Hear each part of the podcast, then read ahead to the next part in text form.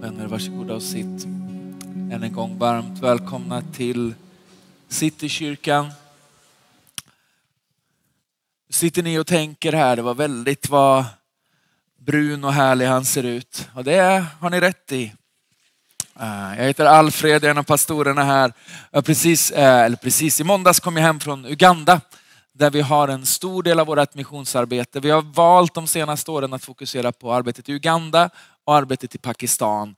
Eh, så först av allt, eh, församlingen där nere hälsar så gott till er. Eh, det var jättefint att se arbetet, se vad Gud gör. Vi planterade församlingen för 14 år sedan tror jag, där nere ungefär. Och för bara typ två, tre veckor sedan så fick jag reda på att vi har fått barnbarn. Visste ni det? Inte jag heller, tack och lov. Men, men Citykyrkan har fått barnbarn. Kampala har planterat en församling som heter City on a Hill. Eh, för eh, sex månader sedan så åkte man iväg och så gjorde man en evangelisationssatsning typ fyra timmar bort i en annan del av landet och fick se typ ett 40-tal, 48 personer tror jag som gav sitt liv till Jesus för första gången. Ja, kom igen. Och så insåg man ju att nu har vi ställt till det. För vad gör vi av de här människorna? Det fanns liksom ingen församling i närheten. Så man startade en församling, en av våra pastorer där nere som heter Patrick, blev liksom utsänd för att leda den församlingen. De har hållit på i sex månader nu. De döpte 36 pers tror jag, eller något sånt där, första dopvändan. Samlar 150 personer varje söndag. Har startat ett Just Earth-program där nere och hjälper människor ut ur fattigdom och det är alldeles, alldeles strålande vackert och det är vi en del om del av. Vi har, vi har filmat och fotat och donat och grejat, men vi tar inte det idag. Känns det okej? Okay? Vi har ju för över, utöver City Church Kampala och City on a Hill då, som är våra två liksom, vänkyrkor eller delar av församlingen eller gudstjänst, vi vet inte. Men vi har det i alla fall. Eh, så har vi CCI här, vår 14-gudstjänst. Vi har en fadderbarnsorganisation som heter SOHA som typ hjälper 130-140 barn in i en skola. Eh, de får mat, de får sjukvård. Det är superfint. Vi har varit och tittat på eh, hur de bor liksom i, plåtskjul som som inte är värdiga någonting levande, men, men, men långsamt så förvandlar Jesus människors liv genom era bidrag och er kärlek. Vi kommer prata mer om det framåt. Eh, Just Earth är ett jordbruksprojekt vi har. Jag var hemma hos en bonde som har ett namn som är för svårt för mig att komma ihåg. Jag kunde skrivit upp det, men jag gjorde jag inte det. För tre år sedan så gick han ut på morgonen på sin ganska stora farm och hoppades på att hitta ett par sådana här ledsamma matbananer att äta. För att ha någonting att ge barnen innan han kuskade iväg på en liksom 14-15 timmar lång eh, turné varje dag för att försöka lösa liksom mat, försörjning, de där grejerna. Bara överleva liksom. En, en man i 50-årsåldern, han har en fru, han har två eller tre barn. Vi går Just Earth som är vårt jordbruksprojekt och nu så här tre år senare så kliver han ut i sitt bananplantage och skördar 30 sådana stockar med bananer varje vecka. Det räcker till att mätta familjen, till att sälja överflödet, till att skicka barnen till skolan, hela familjen till sjukvård, till att bygga ut huset och grannarna börjar tjuvtitta. Och så blir deras liv förvandlade också. Guds rike som bryter in med kraft i människors liv. Och så gör vi det är strålande. Så finns det två barn i den familjen som aldrig kommer behöva Soha. Eller hur? För vi har gett deras pappa och mamma chansen och möjligheten att ta hand om sin egen familj. Det är så bra så det liknar ingenting. Eh, vi kommer berätta om det här under, under lång tid framöver. Det blir liksom ingen så missionsafton när vi dödar er med filmer utan vi kommer sippra ut det här under typ ett och ett halvt år eller någonting för att se till att hela tiden bjuda in er att vara med och bära, be och ge. Okej? Okay? Ska vi be? Så Herre, vi tackar dig för den här söndagen. Vi tackar dig för din påtagliga närvaro ibland oss. Vi, vi, vet att du alltid är mitt ibland oss. Så fort vi samlas i ditt namn så är du här. Men, men det är ändå någonting när du genom din ande hjälper oss att dyka upp i din närvaro som är obetalbart, som inte liknar någonting annat. Jesus, vi älskar dig. Vi älskar din närvaro och vår bön just nu är att du skulle tala till oss genom din ande, genom ditt ord och på något sätt spränga ramarna och, förväntningarna och bilderna igen av vad det är att vara kyrka. Inte för att vi ska gå härifrån och känna oss peppade men så att ditt rike får bryta in med kraft i våra liv och genom våra liv. Till din ära och till människors räddning. Så helige Ande, hjälp mig att hålla tiden. Och bevara oss alla. Amen. Var det Pekka nu igen? Ända sedan jag nämnde det här med Pekkas mustasch så har det liksom varit någon sorts lågintensiv kamp mellan oss. Jag älskar dig min vän. Ja, fint. Du, kompisar, jag känner en sån förväntan. Kom hem i tisdagsmorgon från eh, eh, liksom flygplatsen. Hade saker här att göra så jag skyndade tillbaka till kontoret. Inte helt genomtänkt, men inte alltid jag är helt genomtänkt. Och så rakt in i liksom vår morgonsamling med bibelskolan. Och det är ju korkat av mig. Jag sätter det på mitt konto. Men jag blev överraskad av Guds närvaro. Du vet när man bara, ja, men just det. Tänk att vi får leva i det här. Tänk att Gud är så god mot oss. Tänk att han inte har tagit sin hand ifrån oss. Tänk att han möter oss med sin ande och i någon sorts lite så här småjetlaggat tillstånd så blev det lite för mycket för min känslosamma kropp. Så jag grät en skvätt. Äh? Ja, ja, ja. En skör varelse.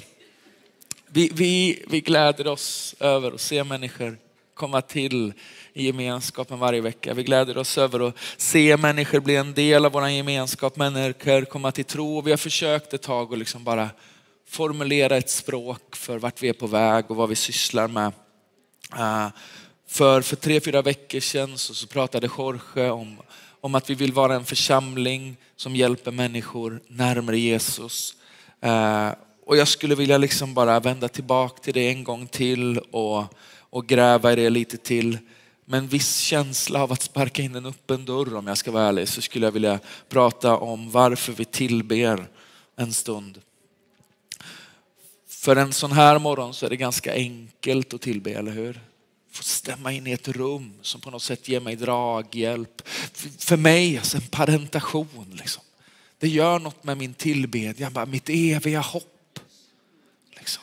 Tänk att jag inte är utlämnad till mig själv. Tänk att, att det här livets liksom omständigheter inte är sista kapitlet i berättelsen om mitt liv. Det gör någonting med min tillbedjan. Och så finns det dagar när, när det inte finns de där grejerna som på något sätt slår an något i mig. Och då behöver jag bara få fatt i den större bilden om, om varför vi tillber. En del känner igen det här eh, och det är helt okej. Okay. Det är till och med bra tror jag att det inte känns helt nytt. För en del så är det inte nya i församlingen så vi gör liksom en, en, en introduktion och ett välkomnande i varför vi tillber. Känns det okej? Okay? Ja, bra. Då åker vi 11.26, perfekt. För det första gänget, vi tillber för att Gud är helig. Jesaja 6 och 3 beskriver om hur, hur liksom änglavarelser, hur serafer på något sätt tävlar om att, att trumfa varandra i, i störst liksom uppenbarelse om vem Gud är, störst liksom gensvar på vem han är. Och hur de än försöker så är det bara ett enda ord som kommer ur deras mun gång på gång på gång. Helig, helig, helig. Det står den ena ropade till den andra. Helig, helig, helig är Herren Sebaot. Hela jorden är full av hans härlighet. Helig är ett sånt här kristet ord som betyder typ separat eller helt annorlunda eller av en annan sort, helt olik dig och mig. Eh, och, och seraferna ropar helig, helig, helig eller super, super, super annorlunda av en annan liksom dimensionen vad du och jag är. Gud är inte överhuvudtaget, tack och lov, som dig och mig på ett sätt. Vi är skapade i hans avbild men ändå inte i närheten. Vi är inte ens liksom i, i samma kvarter när det kommer till hans, hans skönhet och hans majestät, hans helighet och hans väldighet. Bibeln beskriver hur jorden är Herrens fotpall. Gud är inte som dig och han är inte som mig. Andra Mosebok 15 säger, vem är, vem är som du bland gudarna, Herre? Vem är som du? Härlig helighet, värdig fruktan och lovsång. Du som gör under. Absolut. Det är bra. Det är lovsång. Bara på grund av att Gud är den han är så är han värdig vår tillbedjan. Vi sjunger inte för att det går bra just nu. För att Gud gör ett bra jobb med att vara Gud. Vi gensvarar på vem han är. Gud är helig, helig, helig och därför så sjunger vi. Första Samuels bok 2 och 2 säger, ingen är helig som Herren. För ingen finns utom dig. Ingen är en klippa som vår Gud. Ingen. Ingen är som våran Gud. Inget finns utanför honom eller bortom honom. Hans helighet, hans karaktär och särart är en klippa för oss. Jag står inte på mina känslor och hoppas att det finns något att säga tack för idag. Han är min fasta punkt. Han håller mig uppe, han är syret jag andas och ljuset igenom vilket jag ser allting annat. Han är helig, helig, helig, centrum för allt och alltings ursprung. Jag tillber inte för att han ska bli helig, jag gensvarar för att han är helig. Vi tillber för att Gud är helig. Och vi tillber för att Jesus dog för oss.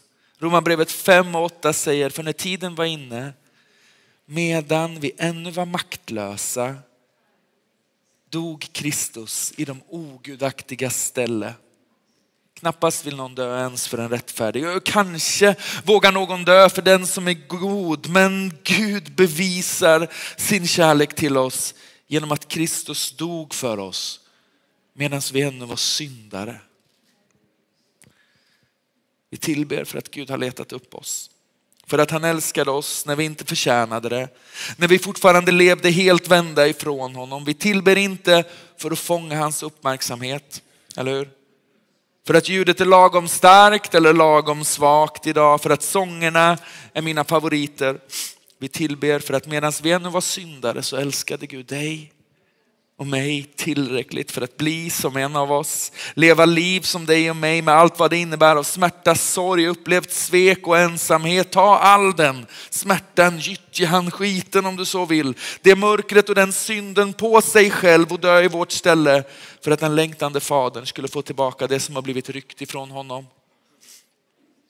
Kolosserbrevet 2 och 13 uttrycker det så här. kommer köra över er med bibelord idag. Hoppas att det är okej. Okay.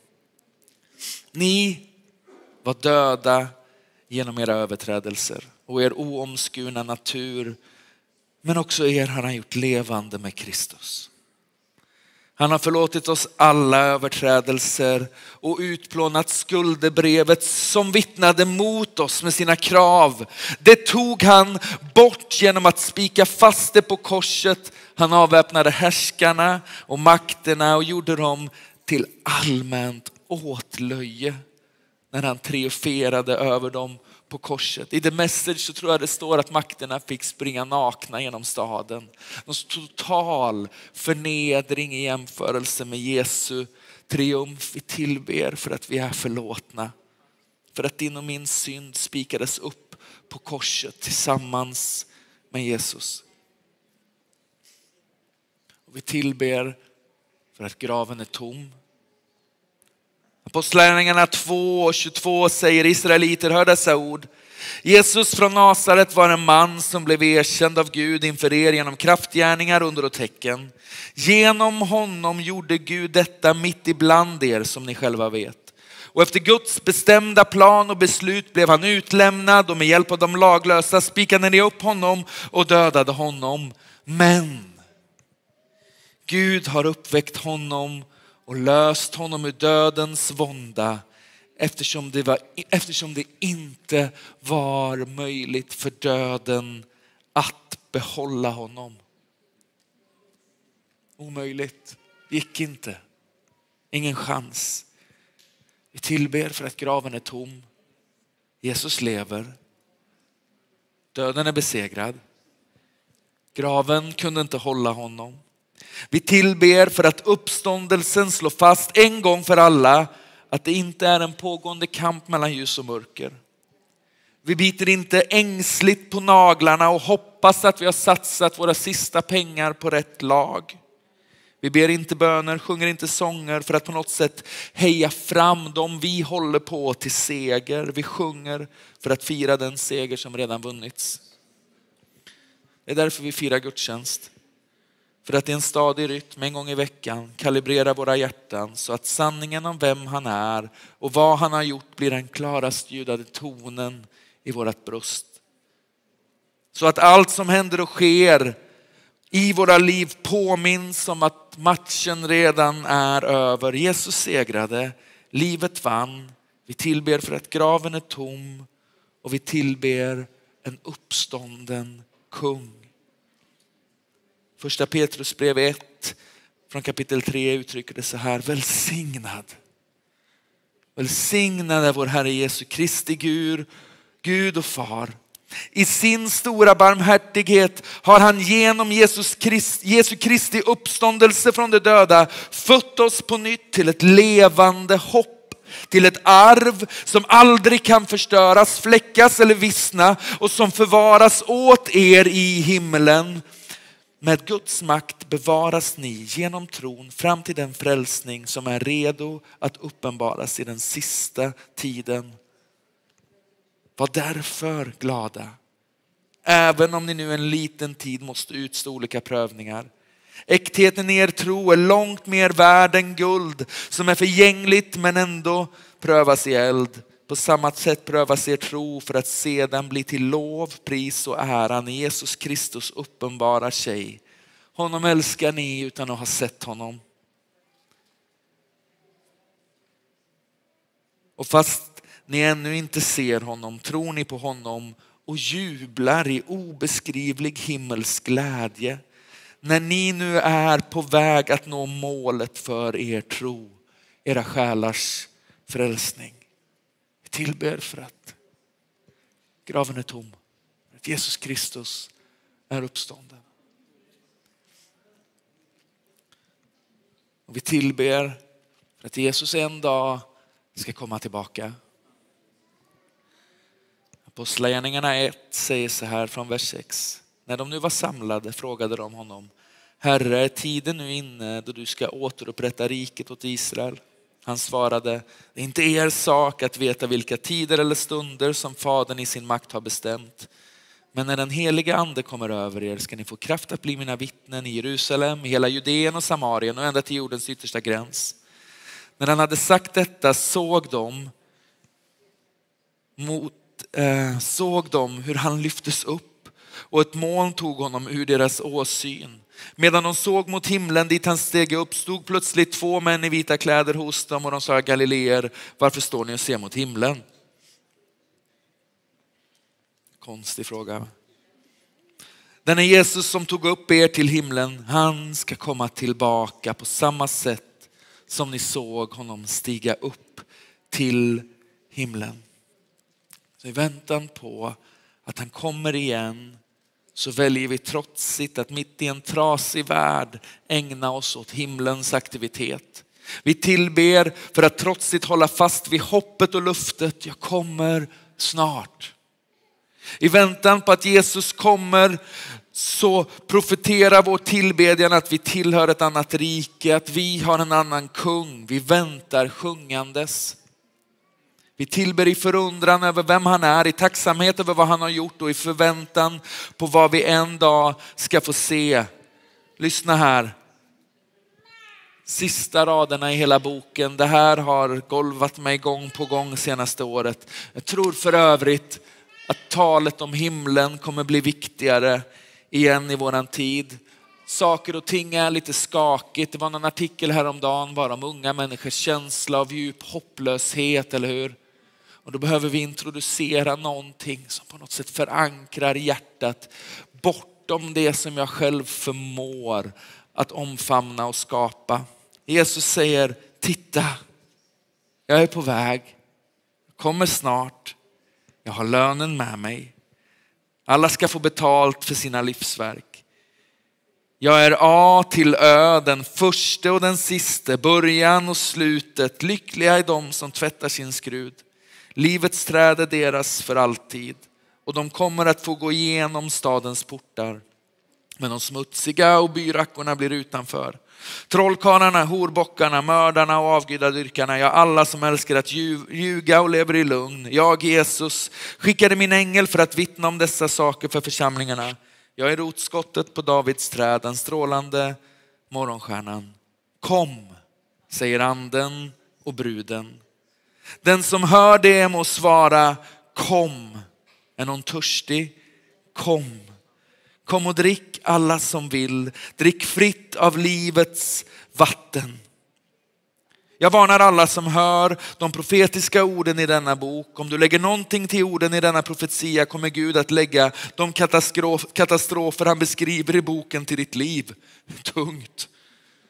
Om du tar bort några av orden i boken med denna profetia kommer Gud att ta bort din andel i livets träd och den heliga staden som beskrivs i boken. Men den som vittnar om allt detta säger igen, jag är på väg. Jag kommer snart. Jag kom, Herre Jesus. Mästaren Jesu nåd vare med er alla. Ja. Vår tillbedjan är till åminnelse av och med förväntan på. Vår tillbedjan vilar tryggt i och hämtar sin drivkraft i vem vi tillhör, i vem Gud är och vad Jesus har gjort för oss. Men vår tillbedjan rymmer också en tydlig rörelse närmre Jesus. Vi tillber med förväntan på att igen få erfara Jesu närvaro, Guds helighet och andens vidrörande. Vi citerar allt som oftast Hebreerbrevet 10 där det står bröder, systrar. Låt oss därför nu i kraft av Jesu blod frimodigt gå in i det allra heligaste på den nya och levande väg som han har öppnat för oss genom förhänget, det vill säga sin kropp. Vi är en tillbedjande församling. För vi vill leva med Guds ära och lov på våra läppar. Vi vill fira att Gud är helig, att, att Jesus dog för oss, att Jesus uppstod och att han kommer tillbaka. Men vi tillber också för att Gud bjuder in oss i ett nytt och pågående möte med sig själv. Livet tillsammans med Jesus är inte bara biljetten jag får i väntan på att himlatåget liksom kallar mig hem. Utan nyckeln jag får genom dörren in i hans närvaro gång på gång på gång. Jesus Kristus är mitt ibland oss och han bjuder oss in i ett möte med sig själv. Helt och hållet betalt av honom, helt och hållet köpt genom hans blod. Så erbjuds vi att dag efter dag, söndag efter söndag kliva in i verkligheten av att han som är mitt ibland oss vill möta med oss. Eller hur? Det är därför vi tillber. Det är därför det får tid och plats i våra gudstjänster. Det är därför som det är vår liksom främsta aktivitet, centrum av vad vi gör. Det är inte bara för att vi är lite taggade liksom någon söndag och för att Simon får feeling och ropar liksom Jesus. Eller hur? Utan vi lever med någon sorts djup insikt om att det finns ingen plats som är bättre för oss än i Jesu närvaro. I dagar av glädje för att tacka, fira och glädja oss över det Gud gör. Och i dagar av sorg för han är den som en dag ska torka alla tårar från mina kinder. I varje säsong så är alltid vårt gemensamma och individuellt största behov att möta Jesus. För första gången för dig som inte känner honom än att få säga Jesus jag behöver dig i mitt liv som min Herre och min frälsare. Men gång på gång på gång för oss som har varit med ett tag tillsammans med alla de heliga bestämma sig för att den här söndagen igen så tänker jag dyka upp i hans närvaro. För ni vet det va? Den enklaste bilden av vad lovsången och tillbedjan gör för oss är typ när jag och min fru är på någon av våra liksom sällsynta dejter. Det blir som det blir med när barnen är små, ni vet sådär. Det börjar bli bättre. Och så sitter man på en restaurang och så känner man att det är så länge sedan det var vi två så vi har lite grann glömt bort hur man gör när det bara är vi två. Är det någon förälder som kan känna igen sig i det? Och så säger man vi får inte prata om barnen eller jobbet eller du vet sådär. Annars då? Nej men du vet. Men så så liksom återupptäcker man igen vad det är att, att på något sätt dyka upp i varandras närvaro. Det räcker att, inte bara att sitta där, eller hur? Det är en, det är en del av projektet och resan, men, men hur på något sätt vänder jag mitt liv mot någon? Hur, hur släpper jag in någon i mitt liv? Hur ger jag någon min uppmärksamhet? Liksom? Det är vad lovsången och tillbedjan gör med oss. Varje söndag vi vänder våra liv mot Jesus igen. Han som alltid är här mitt ibland oss, bjuder in oss i ett djupare möte med honom själv. Det finns mer. Gud är större. Hans godhet trumfar allt du har erfarit. Hans helighet är mycket högre och större än vad du har en aning om. Hans godhet mycket sötare och ljuvligare än någonting som du har smakat. Hans kraft mycket mer kraftfull än någonting som har rusat genom ditt kropp. Jesus vill möta oss med allt han är och allt han har. Vi tillber för att Gud är helig. Upphöjd över allt är du Gud. Vi tillber för att Jesus Kristus dog för oss. För att han visade sin kärlek till oss i våra trasigaste och smutsigaste tillstånd. Medan vi ännu var syndare. Vem älskar så? En. Bara en. Vi älskar, eller vi tillber för att Jesus uppstod, för att graven är tom, för att min död är död och för att hans död blev liv för mig. Och vi tillber trotsigt mitt i omständigheterna och mitt i stormen. För vi vet att det som händer just nu, det är inte berättelsen om vilka vi är. Vi tillhör ett annat rike och vi har en annan kung och han kommer tillbaka. Jesus kommer tillbaka. Och någonstans så, så väntar vi honom med lyfta händer. Eller hur? Hans lov i, i vår mun men det kom liksom rungandes i vårt bröst. Kom Herre Jesus. Och medan vi väntar så tillber vi för att gång på gång förlora oss själva i honom igen se in i hans ögon, för att låta hans ande röra vid oss, för att få säga vårat Jesus jag älskar dig och för att få höra hans och jag älskar dig. Det är platsen där himmel och jord möts, där, där evighetens Gud igen rör vid våra brustna liv. Och säger det är jag som gör allting väl. Det är jag som gör allting nytt. Det är jag som helar, upprättar, läker, förlåter. Så någonting.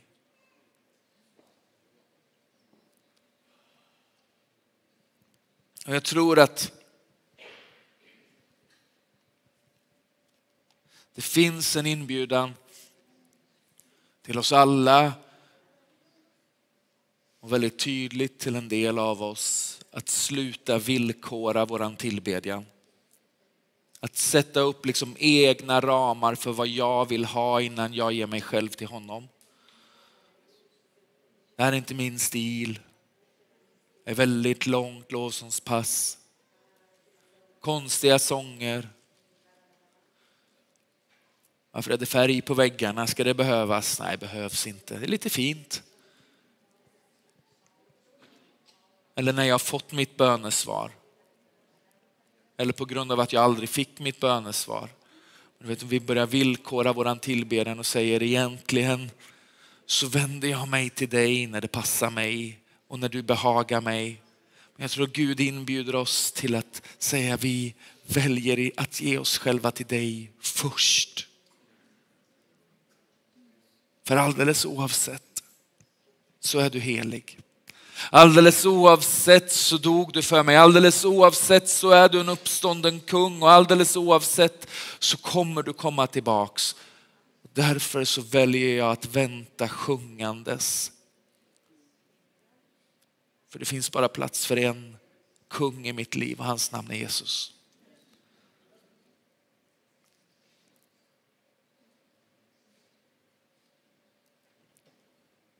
Ska vi be tillsammans?